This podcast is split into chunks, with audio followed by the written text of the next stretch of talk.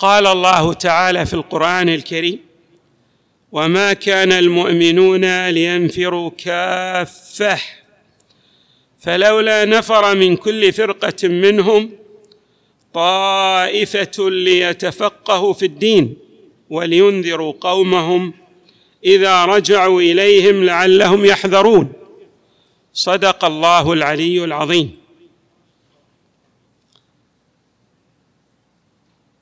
لا زال الكلام موصولا حول أهمية التفقه في الدين والدور الرائد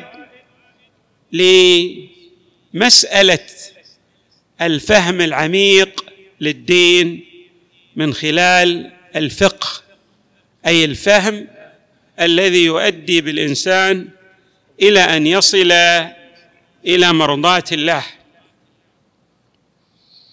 ولهذا التفقه لا يطلق فقط على الفقيه الذي يمارس دور الاستنباط لكونه من أهل الاختصاص بل يشمل أي شخص من الناس يتعلم أحكام الدين ولكن من خلال الطرق المتعارفة ويتلقى أيضا أحكام الدين من خلال العلماء الموثوق في دينهم.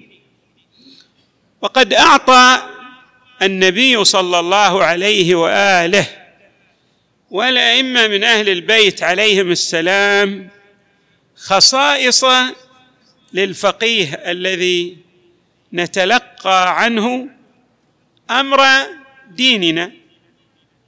استعرضنا وإياكم في بحث سابق بعضا من تلكم الخصائص التي أشارت إليها بعض من الروايات الواردة عن أهل البيت عليهم السلام.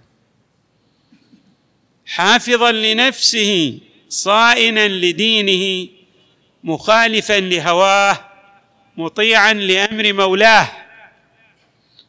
أيضا الروايات تقول أن الفقيه هو الذي يزداد قصدا في عمله بمعنى أنه يراعي الدقة في مسألة فهمه للدين وكذلك في إعطائه لأحكام الدين لمن يرجع إليه. وقد ورد أن من أهم تلكم الخصائص الورع بمعنى الدرجة العالية من تقوى الله تبارك وتعالى التي يمارسها الفقيه في خطواته التي يخطوها من الناحية العلمية والعملية. في الكتاب الذي كتبه إمامنا أمير المؤمنين عليه السلام إمامنا أمير المؤمنين عليه السلام إلى محمد بن أبي بكر حين ولاه على مصر. قال إن أفضل الفقه الورع في دين الله والعمل بطاعة الله بطاعته فعليك بالتقوى في سر أمرك وعلانيته. تجدون أن الإمام عليه السلام في هذا النص يبين أن للفقه مراتب ولكن أعظم تلكم المراتب ما تؤدي بالإنسان إلى السير على جادة الصواب وعدم الانحراف يمينا أو شمالا. ولهذا أيضا هناك تأكيد في بعض الروايات على أمر غاية في أهميته وهو أن هذا الفقيه تراه في حالة من الخضوع إلى الله والاستكانه إليه وعدم الإعجاب برأيه بمعنى أنه يمثل حالة من الوسطية في في خطواته العملية. روي عن رسول الله صلى الله عليه وآله كفى بالمرء فقها أن يؤدي به فقهه مضمون الرواية إلى عبادة الله وكفى بالمرء جهلا أن يؤدي به فقهه إلى ماذا؟ إلى الإعجاب برأيه. يرى أن هذا الرأي بعد كما يعبر بعض يعني الشعراء أنا ابن جلا وطلاع الثنايا. الأمر ليس كذلك بل هناك قمة في التواضع لله تبارك وتعالى. وهذه سمة بارزة في فقهاء مدرسة أهل البيت عليهم السلام. نجد أن علماء التراجم الذين يترجمون لفقهائنا يذكرون عن أكابر الفقهاء هذه السمة. مثلا الشيخ الأعظم الشيخ الأنصاري يرحمه الله عندما يسأل عن مسألة وهو لا يعرفها يؤكد على عدم معرفته لتلك المسألة ثلاث مرات بصوت عال. يقول لا أعرف هذه المسألة لا أعرفها لا أعرفها بمعنى لا يتسرع في الجواب ويفصح عن عدم معرفته. نصف الفقه أو العلم أن تقول لا أعلم لا تتدخل في أمور وأنت لم تصل إلى المعرفة التامة والحقيقية لقواعد الاستنباط. أيضا تشير بعض الروايات إلى هذه الجنبة من الفقه بمعنى أن الفقيه يصل إلى المعنى العميق في الدين بحيث يرى أن الله تبارك وتعالى حاضرا وناظرا على أقواله وأعماله وحركاته وسكناته. انظروا إلى هذا التطبيق العملي الذي يشير إليه المصطفى صلى الله عليه وآله عندما جاءه رجل ليعلمه يعني ليعلم هذا الرجل أراد أن يتعلم من لدن النبي صلى الله عليه وآله بعضا من أحكام القرآن. والنبي صلى الله عليه وآله تلا عليه آية فمن يعمل مثقال ذرة خيرا يره ومن يعمل مثقال ذرة شرا يره. فقال الرجل هذه المعرفة تكفيني يعني هذه الآية تكفيني. ماذا علمه النبي صلى الله عليه وآله؟ يا ترى. علمه أن الله حاضرا وناظرا على جميع ما يصدر منك من أقوال ومن ومن أفعال.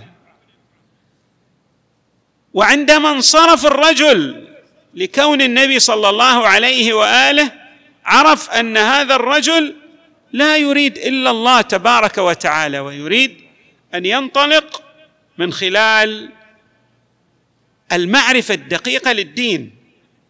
قال النبي صلى الله عليه وآله انصرف انصرف الرجل وهو فقيه لكونه يريد الحق تبارك وتعالى. أيضا إمامنا الرضا ينقل عن جده المصطفى صلى الله عليه وآله على نفس السياق وفي هذا المعنى وعلى هذا المنوال. يقول نعم. جاء قوم إلى رسول الله صلى الله عليه وآله في بعض غزواته فسألهم النبي صلى الله عليه وآله من القوم؟ قالوا مؤمنون يا رسول الله يتحدثون عن أنفسهم. لا بأس أن يصف الإنسان نفسه للتدليل على حقانية أمر من الأمور في بعض الموارد كما جاء عن الصديق يوسف عليه السلام عندما وصف نفسه بالحفظ والأمانة. فقال من القوم؟ النبي يسألهم. قالوا مؤمنون يا رسول الله. قال وما بلغ من إيمانكم؟ يعني كيف أصبحتم من المؤمنين بالله. هنا النبي صلى الله عليه وآله يشير إلى الإيمان العملي والتطبيق الكامل للشريعة والسير في جادة الصواب من أجل الوصول إلى الله. قالوا إيماننا هو الصبر عند البلاء عندما يبتلينا الله تبارك وتعالى ببعض البلايا في أي أمر من الأمور نحن نتصف بالصبر. وما أدراك ما الصبر؟ قالوا الصبر عند البلاء والشكر عند الرخاء والرضا بالقضاء. فقال رسول الله صلى الله عليه وآله في وصفهم عندما تحدثوا عن أنفسهم قال حلماء علماء كادوا من الفقه أن يكونوا أنبياء. اذا النبي صلى الله عليه وآله لا يريد بالفقه فقط المعنى الاصطلاحي وهو أن يتقن الإنسان المطالب العلمية بنحو من الاحتراف وإنما يريد أن يؤكد على مسألة غاية في أهميتها ألا وهي التجسيد الكامل لأحكام الشرع الحنيف والسير في جادة الصواب. والأحاديث التي وردت عن المصطفى صلى الله عليه وآله وعن أئمتنا صلوات الله وسلامه عليهم أجمعين كثيرة في هذا الشأن بحيث يصعب علينا أن نستقصي كل تلك الأحاديث. ولكن المهم أن يعي الإنسان أن الفقه يراد به الفهم الدقيق والحصيف الذي يؤدي بالإنسان إلى الحصول على رضوان الله والسير في جادة الصواب والتطبيق الكامل لما جاء عن المصطفى صلى الله عليه وآله والأئمة من أهل البيت. ولهذا في رواية أيضا عندما سئل الإمام أمير المؤمنين عليه السلام عن الفقيه قال الفقيه حق الفقيه من لم يرخص الناس في معاصي الله ولم يقنطهم من رحمة الله ولم يؤمنهم من مكر الله ولم يدع القرآن رغبة عنه إلى ما سواه. يعني عنده تجذر في ارتباطه باي القرآن الكريم والسير على نهج المصطفى صلى الله عليه وآله والأئمة من أهل بيته صلوات الله وسلامه عليهم أجمعين. نسأل الله تعالى أن يجعلنا مع محمد وآله البررة الميامين في الدنيا والآخرة. والحمد لله رب العالمين. وصلى الله وسلم وزاد وبارك. على سيدنا ونبينا محمد وآله أجمعين الطيبين الطاهرين. الله صلي